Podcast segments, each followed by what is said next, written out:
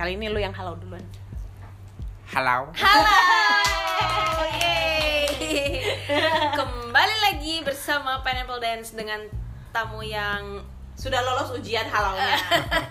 dan Halo, karena halo, dia halo. sudah kesenangan dan karena dia udah jago banget halaunya jadi kita undang lagi. Iya, iya. halo, halo, halo. Lama-lama dia Mama- jadi host nih. Iya nih.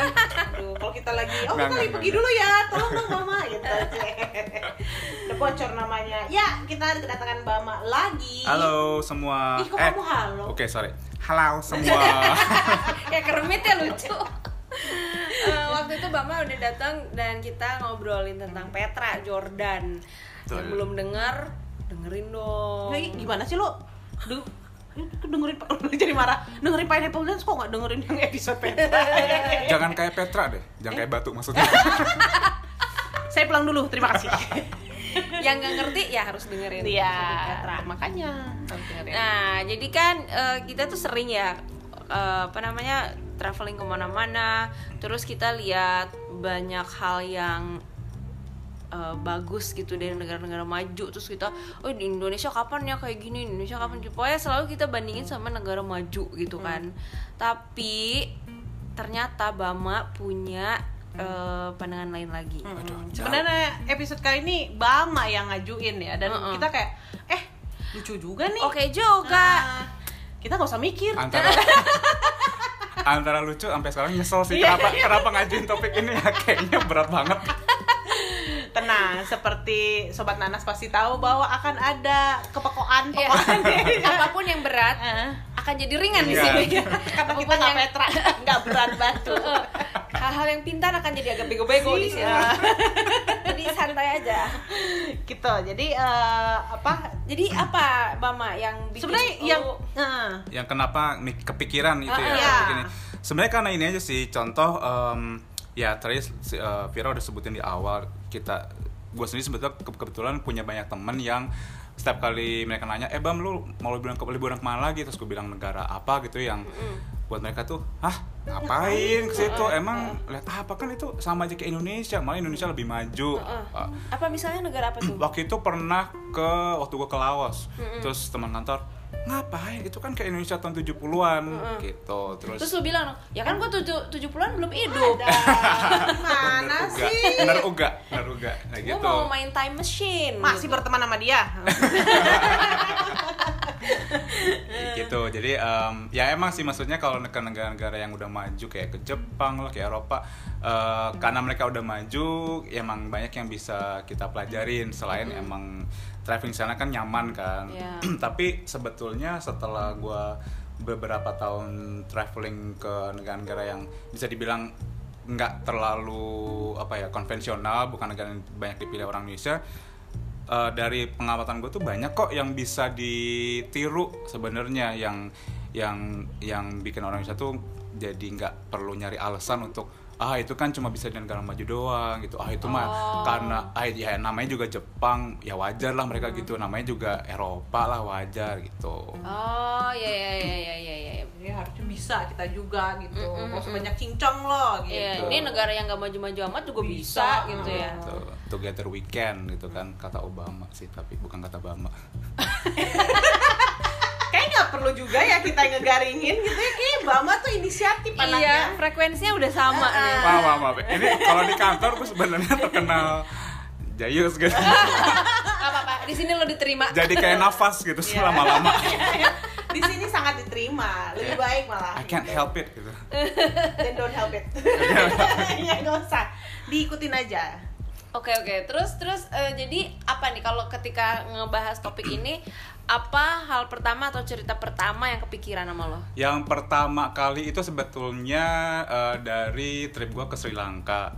Gue ke Sri Lanka kebetulan udah pernah dua kali dan eh, yang pertama itu kayak nggak lama setelah perang saudaranya tuh selesai. Hmm. Yang kedua itu di tahun 2015 dan di dua-duanya itu ada satu hal yang yang gue lihat berkali-kali nih yaitu di sana itu kalau misalnya ada orang nyebrang jalan di zebra cross itu otomatis mau itu truk, bis, mobil pribadi, motor, sepeda, bemo itu tuh pada berhenti gitu. Terus mikir ah kok mereka berhenti ya? Padahal kan mereka kan bisa dibilang negara berkembang juga nih kayak Indonesia. Jadi selama ini yang gue pikirin orang-orang tertib itu cuma di negara maju salah dong gitu. Buktinya Sri Lanka juga bisa kayak gitu. Terus langsung gue gue mikir kayak main devil's ad- ad- advocate biasanya di, di di kepala. Mungkin aja ada orang yang bilang "Eh, iyalah dulu kan Sri Lanka kan negara jajahan Inggris biasanya negara jajahan Inggris lebih maju. Cuma ya tinggal nengok ke tetangganya Sri Lanka aja India which is nggak kayak gitu yang jajahan Inggris juga. Jadi kan oh iya bukan itu alasannya. bukan itu juga. Jadi sebenarnya ya nggak perlu cari-cari alasan untuk nggak maju gitu. Satu nggak perlu cari alasan kita masih negara berkembang untuk nggak maju. Kedua nggak perlu cari alasan kita bukan jajahan Inggris gitu. Sebenarnya ya balik lagi kalau kalau emang mau berubah ya kalau ada keinginan ya berubah-berubah aja Mm, gitu. together weekend Together Weekend Obama iya iya benar juga itu eh kalau Malaysia tuh negara maju bukan sih hitungannya Malaysia sih belum maju-maju banget ya ntar gue ditimpuk orang Malaysia nggak ada yang denger. Enggak, enggak dengerin palingan tapi optimis kan tapi pendengar. pendengar kita kalau gue lihat statisnya ada Prancis wow tiga persen gue nggak ngerti deh Iya. wow Ya. boleh nggak deh. bulu bule buku Iya. nah soalnya gue juga nge ya selain di Singapura ya tapi Mm-mm. Singapura mah yang udah maju. Nah. di Malaysia tuh juga gue ngerasain gitu mau nyebrang di zebra cross gue terus ada mobil mau lewat gue otomatis berhenti. Mm-mm. eh mobilnya berhenti juga. Hah? Kan Melayu juga ya? Hmm, kayak iya. kita di sini kok dia pinter gitu? Iya iya. Jadi gue baru oh iya iya, oh iya ini di sini begitu. Kalau iya kalau gue kayak gitu pengalaman waktu ke Brunei dulu. Hmm. di Brunei itu jalannya pada sepi Brunei kan negara kecil ya orangnya nggak banyak waktu itu gue cuma mau nyebrang jalan jalan kecil lah ada zebra cross terus gue mau nyebrang. Dari jauh tuh ada mobil sedan kenceng. Sebagai orang Indonesia gue nunggu mobilnya lewat kan. Iya. tiba-tiba si sedan itu tuh berhenti persis di depan eh, si zebra cross. Gue waktu itu bingung ah kok berhenti? Hmm. jadi gue jalan nih gue akhirnya ngeliat-ngeliat kanan kiri akhirnya gue jalan terus gue baru nyadar oh iya ya di Indonesia tuh sebenarnya waktu kecil kan tadi kita diajarin zebra cross itu tempat nyebrang. Iya. tapi tapi kayaknya adab untuk si pengemudinya tuh nggak terlalu Udah dijelaskan. dijelaskan Ah, Iya, iya iya. iya iya betul ya maksudnya padahal kalau kalau gue sih emang nggak punya sim ya Hmm. tapi gue yakin kalau sim itu diambil dengan Benar. cara yang benar, Benar. pasti ada peraturannya itu dijelasin dong harusnya Bener harusnya nggak? sih Moon nembak nah itu satu masalahnya orang Indonesia simnya banyak nembak ya gua mah mas saya sim ya tapi masalahnya ya maksudnya nembak nggak nembak gue nggak punya sim aja gue tahu ada aturan itu karena gue melihat ya waktu di negara lain Hmm. gitu sih kayak gue nggak tahu ya karena nembak ya karena Mm-mm. zaman dulu orang kalau belajar nyetir udah satu paket dibikinin sim Iya. zaman dulu betul Mm-mm.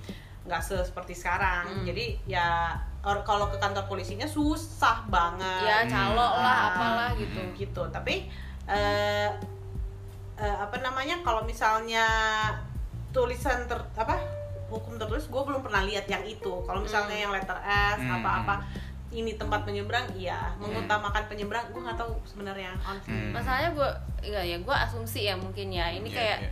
ya Cuma terus harus- untuk apa ada zebra cross kalau Iya. pen- penyeberang nggak Se didahulukan gitu kan sepengetahuan gue sih kayak rambu-rambu lalu lintas itu kan secara universal tuh ada standarnya. Hmm, iya, Dan itu seharusnya memang berlaku sama. Cuma kan kayak di Indonesia orangnya kreatif nih. Kadang kadang kadang kayak lampu apa lampu sen yang kanan kiri Ah. dinyalain kan harusnya kalau cuma berhenti di Ah. bawah jalan. Tapi orang Indonesia kan beberapa yang kalau ke kanan sen kanan, ke kiri sen kiri, kalau lurus sen dua-duanya gitu kan. Iya. Padahal itu kan sebenarnya bukan kayak gitu. kalau lurus mah ya gitu. udah aja nggak usah Oh, pakai sen gitu ya jadi ya nggak tahu sih mungkin gue mau lihat peraturan tertulisnya ya Iya, iya, iya. tapi sebenarnya di Sri Lanka tuh ada nggak sih indikasi kenapa mereka begitu Eh, sebenarnya sih belum terlalu dik terlalu apa ya dalam kenapa di Sri Lanka tuh bisa beda. Cuma em, selain kayaknya Sri Lanka tuh emang dia tuh sistem pendidikannya tuh eh, lebih apa ya lebih teratur lebih bener lah. Karena selain dari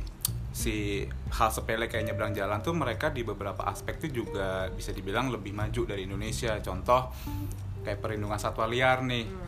Kalau di Jakarta aja misalnya nem di ya di beberapa tempat ada pohon-pohon sih banyak pohon. Cuma kan di pohon-pohon itu burung atau tupai gitu kan jarang banget kan. Iya. sedang kalau di Sri Lanka itu even di ibu kotanya di Kolombo aja. Eh sorry Kolombo itu bukan ibu kota Iya. kota terbesar. Di situ aja tuh eh, untuk nemuin tupai itu gampang banget. Bahkan suaranya tuh berisik banget gitu. Waktu itu sempat bingung ini suara burung atau suara apa? Ternyata suara tupai. Kayak gimana coba? Meow. Salah binatang. Suspense. Suspense menunggu meow. Oke. Oke. kecewa. Eh, kita punya itu mesin bu. Bu. Tapi kita bisa percaya nggak nih ceritanya? nggak tahu. Mulai meragukan. Terus terus. ya gitu. Jadi waktu itu bener-bener amazed. Sebentar tupai belum kelar nih.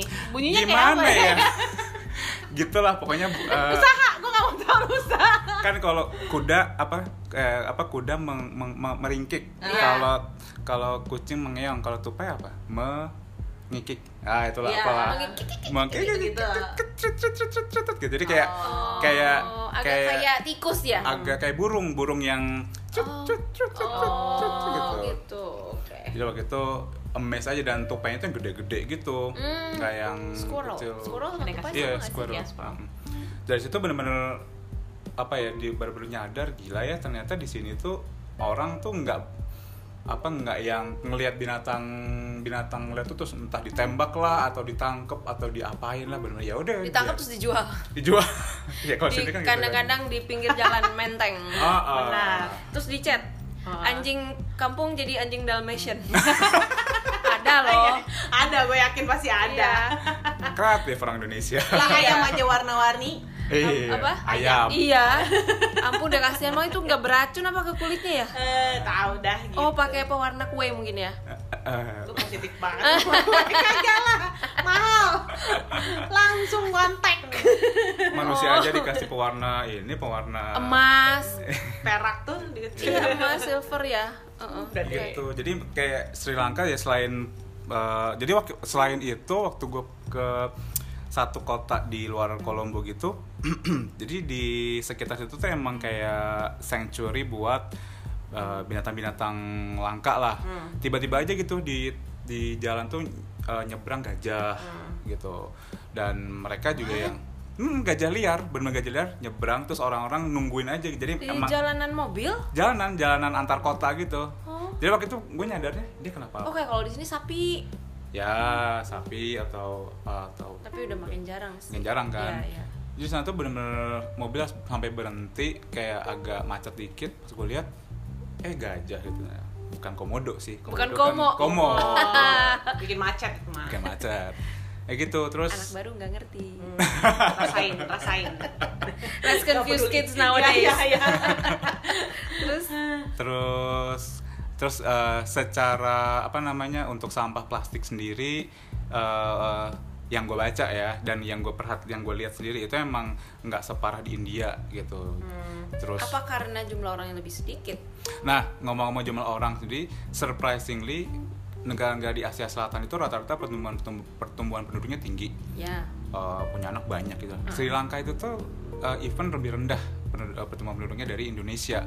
Ada apakah gerangan kenapa Sri Lanka bisa punya aspek-aspek yang biasanya di punya negara maju? Nah itu sebenarnya menarik nih untuk, untuk diteliti supaya bisa diterapin di Indonesia. Jadi biar kita nggak punya mental yang ah negara maju kita nggak bisa diutak ini negara- Excuse ya untuk Oh, terus bodoh. iya Sri Lanka mirip kita kok Oke, berarti satu, tolong ya yang bawa kendaraan. Kalau misalnya kita mau nyebrang, mohon maaf. Di zebra cross. Eh. Kalau kita kalau yang jalan kaki mau nyebrangnya nggak di zebra cross mah ya. ya Sama aja sih. Eh, kadang kita salah juga sih karena gue ini sih amazed sama kadang kalau misalnya di Jakarta pas lagi nyebrang zebra cross tuh ada mobil berhenti tuh kadang kayak wow, Iya, gitu kadang gua tuh kayak oh dia mau tahu terima- ya gitu Kadang gua kayak mau terima kasih tapi terus eh ntar dulu emang ini hak gua. iya iya cuma eh, kar- karena itu di Jakarta jadi masa wah nih orang tahu nih apa yang Iya. harus dilakukan gitu jadi Langsung oh, Terharu ya. ya, iya. Kagum. langsung Terus harusnya di situ berhenti terus berbinar-binar. Terima kasih. macet Jadi, macet ya, bikin ya. macet lama Jadi si komo Iya, deh. iya.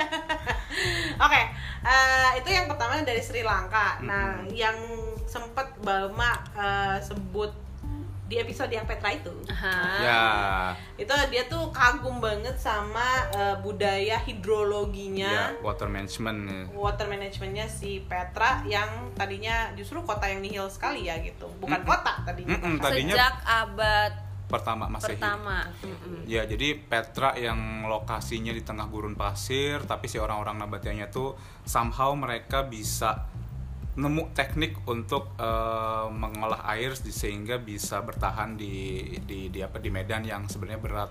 Dan ini eh, masih dipraktekin juga di Yordania sekarang. Jadi Yordania itu kalau yang gue baca itu dia salah satu negara paling kering di dunia. Dan dia statusnya berkembang ya memang. Seharusnya berkembang. dia paling jarang hujan gitu salah satu yang paling jarang hujan jadi emang eh, air airnya tuh dikit banget lah gitu tapi eh, gara-gara itu terus mereka si pemerintahnya tuh dia bikin kebijakan yang eh, jadi gini gue waktu itu ke museum di kota aman. Jadi again gue kan suka ke museum untuk eh, ngeliat kayak put things into context lah sebenarnya. Jadi di, di museum itu tuh dikasih perbandingan tuh negara-negara kering lainnya. Kayak di Uni Emirat Arab di mana ya Kuwait gitu-gitu. Nah mereka tuh sama-sama kering tapi konsumsi airnya tuh yang boros banget.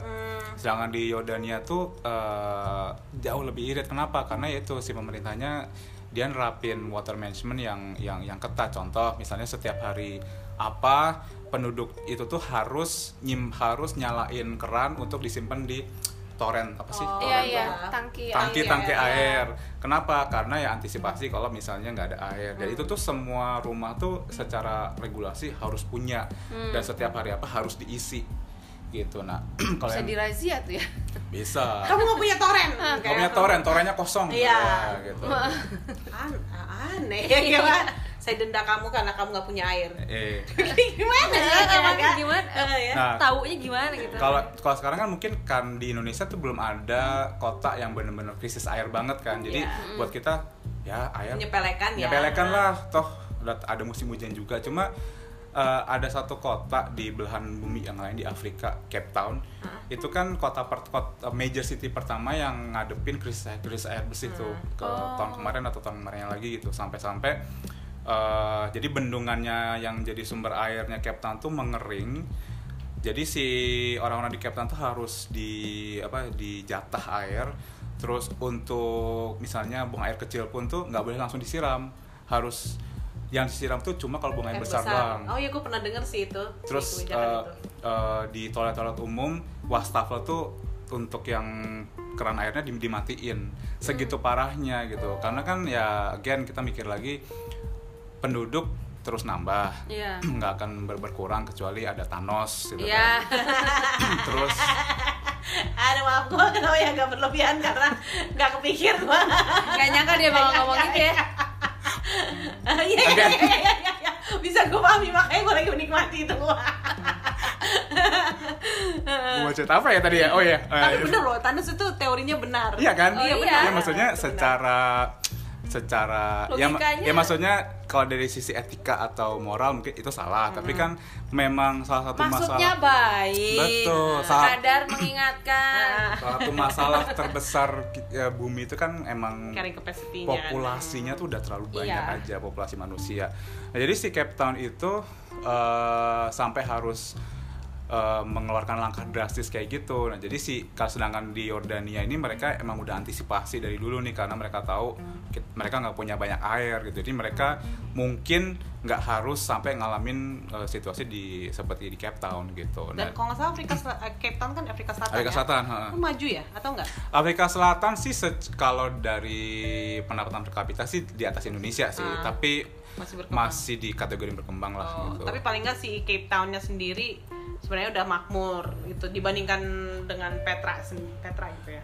Eh, Maksudnya dalam arti hmm, Karena what, Pe- what secara- Petra was Ya, gitu. ya, ya. Kalau Pe- kalau Cape Town sendiri kan sebenarnya salah satu kota terbesar di Afrika Selatan. Jadi secara ekonomi dan lain-lain emang lebih maju lah, lebih berkembang dibanding di Petra. Ya cuma itu di Indonesia sendiri em, sekarang itu belum ada sense bahwa air ini suatu saat akan menjadi sesuatu yang bisa jadi krisis gitu. Karena Cape Town tuh bener-bener dia ya tiap tahun ada musim hujan terus dia juga di pinggir pantai maksudnya ada air laut kalau misalnya butuh apa tinggal dis- disari tapi ya karena nggak pernah kepikiran bakal kering eh, orang jadi terlena terlena terlena tiba-tiba jebret aduh nggak bisa pakai air lagi nih gitu mungkin Gitu. karena kita banjir terus kayak ada air banyak banyak banget air kita malah kelebihan Iya. tapi padahal kayak di Indonesia Timur kan juga ada daerah-daerah yang kering ya Iya. Mm-mm. tapi mereka sebenarnya itu juga bingung sih karena kan mereka memang alamnya kering dan sudah beradap- beradaptasi dengan Iya, kekeringan itu iya, ya tetapi kalau tiba-tiba gitu ya Uh-uh.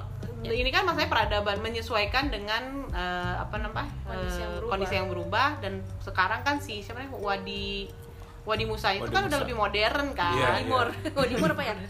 Sarum. sepatu. Oh iya. Bukan ya West Farm ya, ya. iklan iklan iklan. Ah, jadi begini ya tolong. Farm Wadimor Satu lagi lagi. Temennya gajah duduk. Nah gajah duduk iklan juga nih.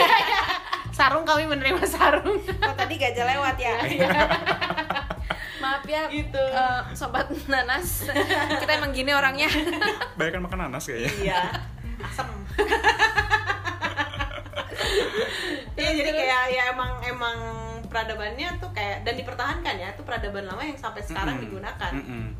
karena kan kita sebenarnya secara sejarah peradaban peradaban kita juga ada banyak hal yang bisa dipelajari tapi kemudian Iya, nggak dilanjutkan contoh kan? kayak di Iya. Majapahit itu kan eh, sekarang kalau ke Mojokerto tuh kalau nyelusurin apa eh, peninggalan Majapahit itu mereka tuh ada peninggalan yang kayak namanya namanya apa ya? Segara atau samudra. Jadi itu kayak tempat penampungan air memang. Jadi zaman dulu tuh orang emang udah mikir bahwa air itu kan orang manusia nggak akan mungkin hidup tanpa air lah. Jadi air benar-benar dipikirin supaya supply-nya tuh nggak terganggu gitu.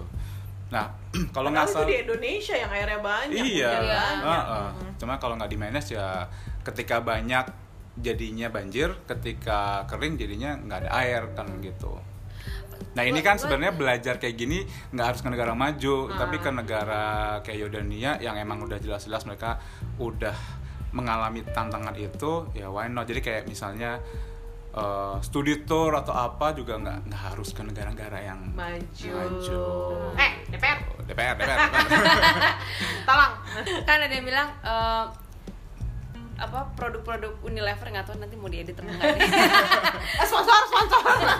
itu kan nggak bisa berfungsi kalau nggak ada air Hmm. ya kan sabun lah Hmm, iya, iya, sampo iya. apa jadi mungkin eh, perusahaan-perusahaan kayak gitu tuh yang perlu ikut mikirin Nah, Ya, bener, bener. bener. wah supaya air tuh harus Iya. air bersih harus dan ada dan kalau nggak salah ya waktu itu tuh pernah baca juga ada satu perusahaan air mineral yang ngiklaninya tuh air mineralnya dia tuh yang oh biasalah air air pegunungan atau apa tapi cara dia gue tahu nih apa enggak ya? Nggak, nggak, nggak, oh, bukan, nggak. bukan. It's not what you think. Oh, oke. Cuma cara dia mendapatkan air itu justru yang membuat penduduk situ tuh jadi Ah. kekurangan.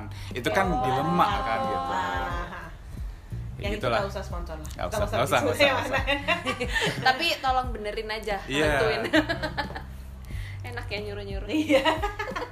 Ya, karena karena kalau nggak ini tiba-tiba kalau misalnya kita terlena ya begitu masalahnya udah muncul jadi kelabakan kan mendingan antisipasi Tapi terus kayak lu saya sempat eh, sempat menyebutkan kalau misalnya ada lagi negara yang lu pelajari tentang manajemen airnya. air yaitu Butan Nah, nah, tidak disangka-sangka, saudara-saudara, Butan yang selalu untuk fotografi Ah. bisa belajar. oh by Tentang the way air. eh, Butan ceritanya bisa didengar di episode awal-awal Ya. Betul. yang kita Ya. ngobrol sama Arif Rahman Betul. ya. gue pun mendengarkan Bagaimana kesan Anda?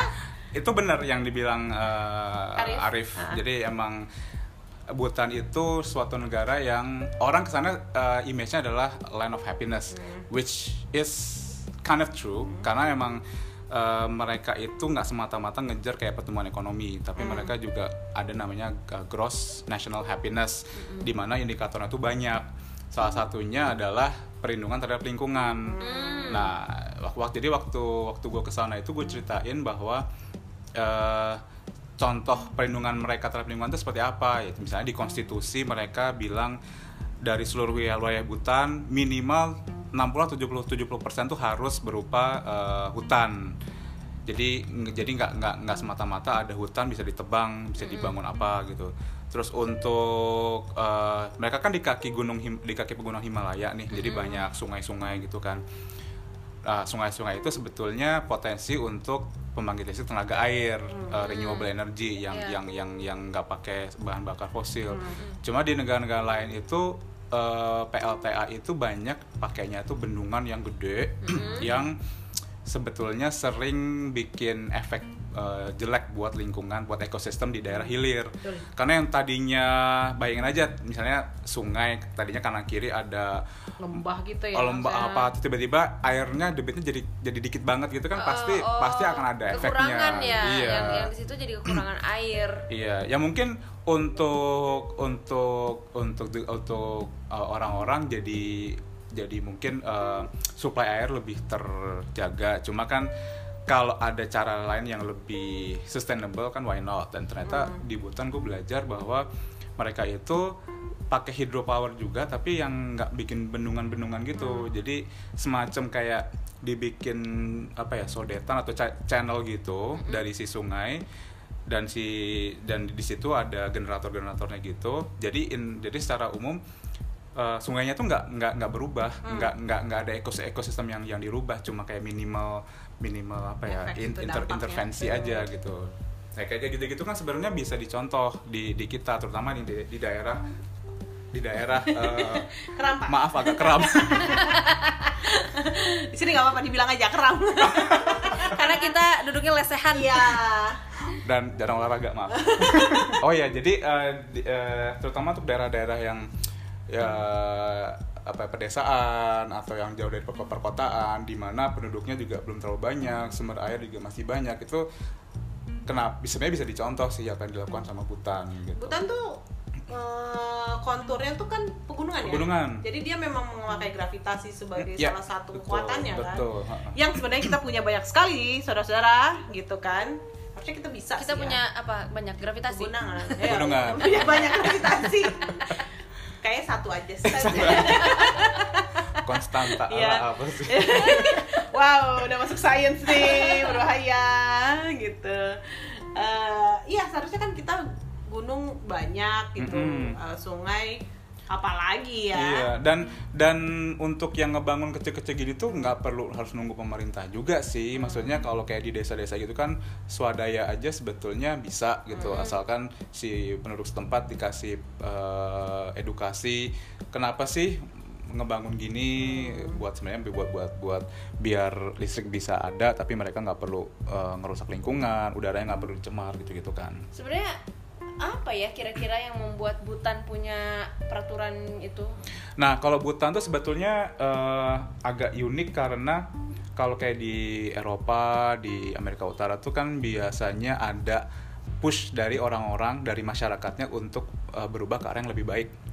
Kalau di Butan itu approach-nya lebih top down.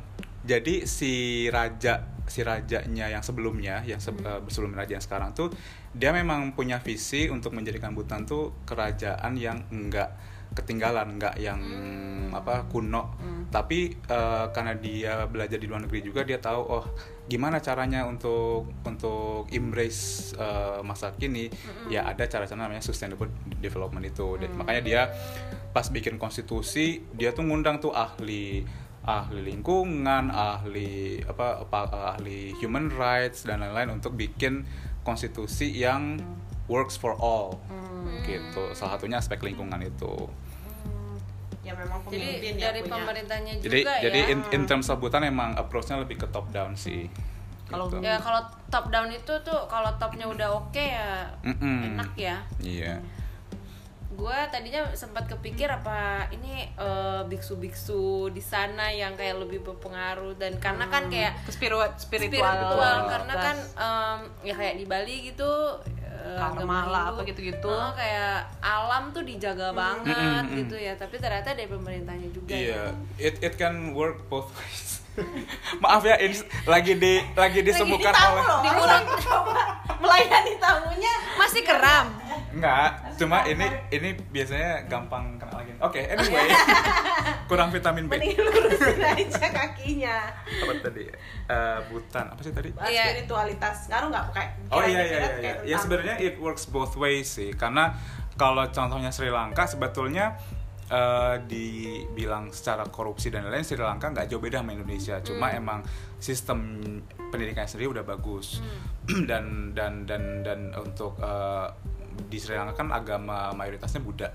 Bud- Buddhism. Itu memang menekankan kayak harmoni dengan alam kan. Jadi mungkin itu salah satu alasan kenapa di event di kota besarnya aja binatang-binatang masih berkeliaran. Cuma kalau kayak di Butan yang yang lebih kerasa eh, kenapa ini bisa gitu ya top down itu sih dari rajanya. Ya mungkin emang raja ra- spir- spiritualitas rajanya juga udah mungkin gitu kan mungkin. jadi, emang dia sadar aja untuk- dia emang tujuannya itu untuk serve gitu bukan untuk memperkaya eh, diri sendiri Wah. gitu. jadi ada fungsi sebenarnya jadi fungsinya emang fungsi agama tuh bisa ngaruh ke kehidupan agama dan spirit kepercayaan ya. Betul. Ngaruh banget ke kehidupan nyata kan tapi maksudnya kayak di Indonesia kan kayak malah enggak sih. Di Indonesia kayak agama, agama banyak. Uh-uh. agama harus ada di KTP tapi nah nah itu dia pertanyaan Gua buat kita semua. Iya, karena gue sempet kayak per- perasaan gue kalau datang ke ceramah dengerin ceramah gitu. Misalnya tiap Idul Fitri lah atau pengajian atau apa gitu. Gue kayak pengajian aja. Nyokap lo maksudnya yang pengajian. Gue pulang dari mana cerita apa pengajiannya tuh nggak pernah habis. Gue kayak bisa dibilang eh, nggak pernah dengar mereka ngomongin tentang alam Hmm, Jaga lingkungan. iya, iya, jaga lingkungan gitu jadi padahal sebenarnya itu diajarin di agama Diajarin. Iya, Ah, betul. dan itu kan kayak pemimpin top down gitu itu kan sebenarnya kekuatan untuk eh, Top down dari eh, Allah. oh, ah. Iya. ya cuma ini agama gimana nih cuma kayak, kayak kayaknya kalau di Indonesia tuh orang jadi lebih fokusnya tuh salah gitu beragama Iya. lebih ke, Ibadah doang. ibadah Eh, atau ses- maksudnya- sesuatu yang apa terlihat doang Rut- gitu loh apa namanya? ritual Ya, rutin. ritual. Nah, Heeh. padahal sebetulnya ya jadinya jadinya kalau fokusnya ke situ jadinya lebih ke mengkotak-kotakan sih jatuhnya contoh misalnya Nah ini, ini ini pengalaman lain di di apa Lebanon nih kemarin. Lebanon itu kan dulu mereka itu sempat eh, perang saudara lumayan lama antara sebenarnya bukan antar ya bi- bisa dibilang perang antar agama tapi nggak bisa disimplifikasi kayak itu karena pihak-pihaknya tuh banyak banget dan rumit banget gitu. Jadi intinya ya sekarang bisa dilawan, besok bisa jadi kawan gitu. Hmm. Tapi biasa aja nih kawan lawan kawan Iya. lawan together weekend lah Iya. siapa lagi Obama. oh Sayangnya udah nggak jadi presiden. Ah, iya. terus terus Nah, eh, jadi kalau di Lebanon itu setelah setelah perdamaian akhirnya dicapai dan lain-lain, jadi mereka lebih ke apa ya, menghargai coexistence dengan agama lain. Nah, salah satu yang kemarin bener-bener bikin surprise, walaupun sebetulnya harus apa expected adalah waktu itu em, perjalanan dari satu kota ke kota lain, ngelewatin pegunungan bersalju gitu.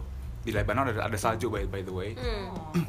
Em, itu si drivernya itu dia dia tuh eh, kebetulan pemeluk agama Kristen eh, tapi dia nyetel apa ya radio di mana radio itu tuh pas pas didengar tuh kok kayak ngaji gitu. Jadi kayak kalau di Indonesia orang dengar itu tuh pasti mikirnya ini orang lagi ngaji nih. Padahal pas kalau benar-benar didengar kata-katanya tuh ya itu sebetulnya eh, doanya Kristen. Nah sebenarnya di, di situ oh bis- gitu? Lo tahu itu doanya Ya, misalnya ada nyebut Maria atau Oh. apa sih eh, Yesus apa gitu gitulah Ah. jadi dan dan dan dan dan ketika setelah, ber- setelah beberapa menit itu si drivernya tuh yang kayak bikin tanda salib gitu kan. Kayak orang Katolik gitu. Mm-mm. Nah di situ tuh gue mikir, nih hal-hal kayak gini tuh orang Indonesia harus, harus lebih tahu nih bahwa eh, kalau di sini kan sering ya itu tadi mengkotak-kotakan meng, eh, kayak misalnya kalau Islam atau Arab itu sama dengan Islam, padahal sebenarnya di Arabnya sendiri tuh mereka tuh ya beraneka ragam juga gitu Iya, dan nggak semua Islam Iya doanya orang Kristen di sana tuh juga Berbahasa mirip Arab. Ah. bahasa Arab terus eh, intonasinya juga mirip sama-sama bilang amin itu sama gitu mungkin di sini mikirnya kalau orang Arab yang Kristen tiba-tiba dia berbahasa Latin gitu ya Oh, Ya, iya. mungkin, Iya, mungkin, iya, iya, bisa mungkin. jadi padahal enggak. padahal kan di sana ngobrol aja emang kayak ngaji Ya, kita dengarnya Iya. Ya, sempet sempet ada cerita apa ya gue lupa. Jadi eh, ada ceritanya di Arab tuh kan ada koran ya? Mm-mm. orang kan baca koran zaman dulu Mm-mm, apalagi kan. Mm-mm. jadi pernah eh, ada jemaah haji atau umroh gue nggak tahu eh, dari Indonesia eh, ke sana. Terus eh, kayak entah itu sholat jumat atau apa ada yang pakai koran buat alasnya. Mm-mm. terus udah kan udah selesai di- nggak dirapiin terus kayak terbang-terbang gitu. Terus Oh. diselamatin sama orang Indonesia. Yang di sana. Karena Ya, mikirnya itu- kan itu kayak ya Allah itu kan Bet- tulisan Arab gitu kan Iya, iya. dia kira itu Al-Quran gitu iya ya bagian dari Al-Quran padahal emang kayak berita gitu Iya, kan. iya, iya itu makanya jadi em, ya beragama tapi harus harus wawasannya luas juga lah gitu. Hmm. Jadi nggak biar nggak jadi sempit malah gitu. Tuh gua kalau kalau ke Lebanon itu gue mikir nih sebenarnya orang Indonesia tuh perlu lihat apa yang terjadi, terjadi di Lebanon kalau eh, agama tuh dibikin jadi sumber konflik. Kan mereka kan dulu ancur-ancuran banget tuh parah banget. Kemudian juga orang Indonesia tuh bisa belajar bahwa mm, eh, agak harus, harus harus apa harus bisa bedain antara agama dan kayak etnis atau ras gitu kan atau di sini di dalam ini budaya Arab gitu kan. Itu kan sebenarnya eh, yang tadi tadi gue bilang itu Arab di sana itu memang shared antara Islam, Kristen dan yang lainnya gitu. selain bahasa ada yang lo tangkap nggak tentang eh, Cara berpakaian eh, mungkin. agama Kalau cara berpakaian sih sebenarnya em, nggak jauh beda antara antara orang Islam sama orang eh, Kristen di sana. Paling kalau kalau yang eh, perempuan yang yang Muslim sana ya beberapa pakai pakai pakai hijab. Cuma Nggak nggak semua nggak juga. semua juga gitu. Hmm.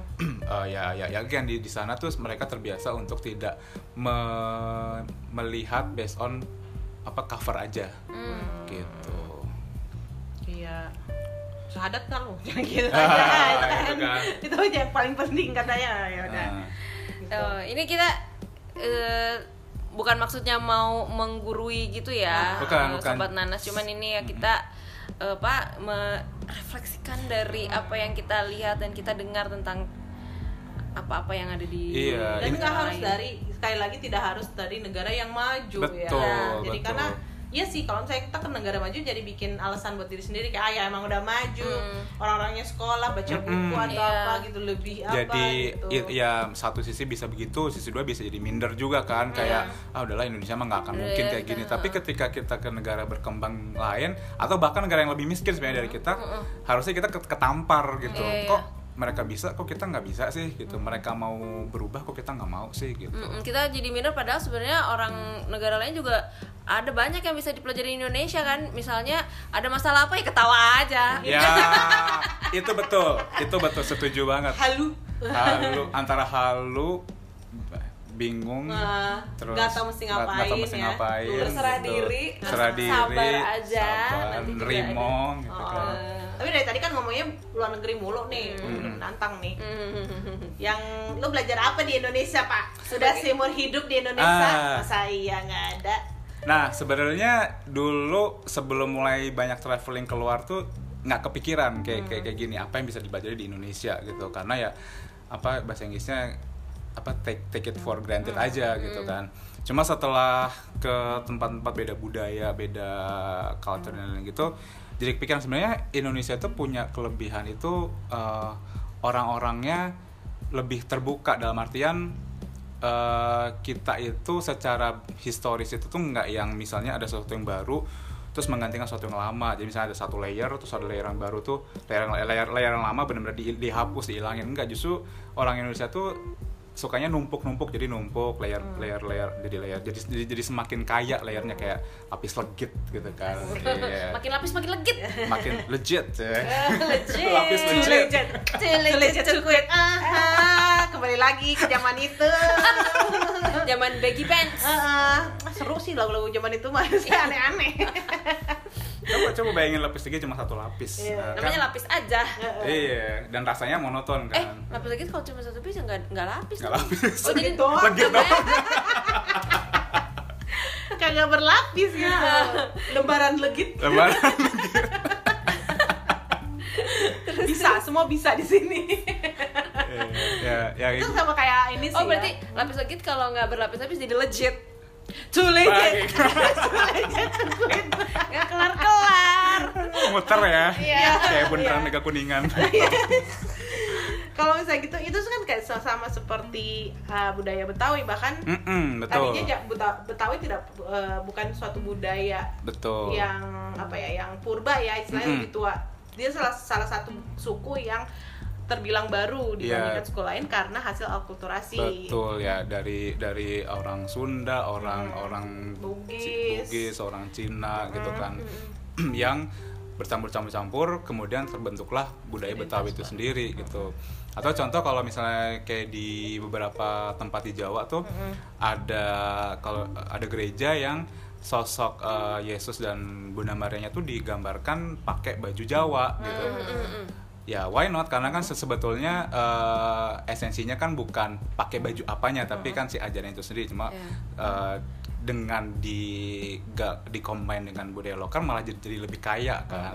Contoh kalau kayak di kalau masjid-masjid juga kan ada tuh yang eh, atapnya bentuk yang Limas, lima oh, apa susun pagoda. tiga Ah. gitu kan itu kan sebetulnya juga atau kayak yang akulturasi di juga. Padang bentuknya ya gonjong Ya, Oh, iya. benar, benar. sesuai budaya di situ ya Ah. justru kan kayak Tetap gitu sholat mah ya tetap sholat iya gitu kan benar maksudnya ajarannya kitabnya juga tetap nggak nggak ada yang berubah kan Hmm. justru uh, mengal- apa, akulturasi kayak gitu tuh yang bikin Indonesia beda sih kalau Hmm. gue lihat dari dari negara lain karena ya itu kita kita tuh masyarakatnya uh, gampang menerima ya sisi jeleknya jadi kayak labil jadi Hmm. gampang diomong-omongin tapi sisi bagusnya ya nggak apa ya nggak kaku gitu budayanya Hmm. tuh uh, fleksibel gitu Itu ada, gue jadi inget tadi lu ngomong Yesus dan Mhm. Bunda Maria berpakaian Jawa Mm-mm. di Kota Tua. Mm-mm. Eh kok di Kota Tua? Iya benar di di Glodok ya ya di apa namanya tuh? Glodok tuh petak sembilan Perak Sembilan tuh kan ada vihara tuh Iya. yang eh gereja yang bentuknya kayak rumah Cina. oh iya iya iya Ya kan? oh baru tau nih Nah, Iya, iya. ada gereja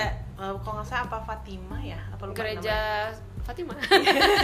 Santa Dia tuh, Fatima eh, gereja tapi bentuk luarnya tuh eh, rumah eh, Tiongkok itu, Hmm, tapi hmm, hmm. itu karena dihibahkan oleh seorang jenderal atau kapitan zaman itu Oh. untuk dipakai jadi rumah ibadah.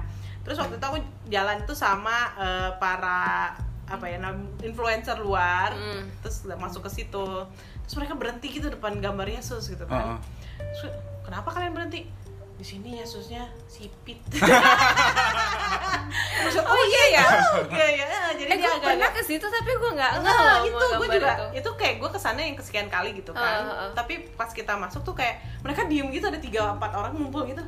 Eh benar juga kayak ada apa? Dan si Yesusnya tuh digambarnya agak Tionghoa gitu. Oh, jadi emang iya. sipit gitu Iya, kan. iya. Dan itu kan sama seperti banyak image Yesus atau Bunda Maria di banyak negara kan ada Mm-mm. yang hitam, ada Iya, yang apa benar. kan Iya, iya. mengikuti kultur. soalnya itu Tempat. masuk akal sih karena di sana kan emang lingkungannya banyak orang Tionghoa ya Iya. jadi, jadi eh, ajaran ini walaupun bukan dari negara leluhur mereka tapi eh, apa ya ajarannya akan jadi lebih relate sama mereka nggak sih? Kalau secara fisiknya digambarkan lebih mirip mereka gitu Iya. ya Ya, dan penyebaran Islam dulu kayak Pakai wayang. Ya wayang. Gitu. dan sebetulnya kan yang penting kan ajarannya memang sama gitu. Nyampe, apa misalnya tid- eh, harus berbuat baik pada sesama lah apalah gitu. Itunya kan sebetulnya mainnya tetap ya tetap sama. Cuma kemasannya aja yang Iya. beda-beda gitu. Katanya don't judge a book by its cover. Betul. Padahal covernya penting juga ya. Iya. Anak desain ya. anak desain yang beli buku karena cover. Iya, bisa. Nah, gue juga gitu. dulu. Iya kan? sampai gue tobat. Kenapa lo? Karena nggak dibaca. Karena sebenarnya nggak tertarik sama ceritanya ya? Gue udah sampai numpuk kami mikir ini nggak ada yang gue baca nih udahlah tobat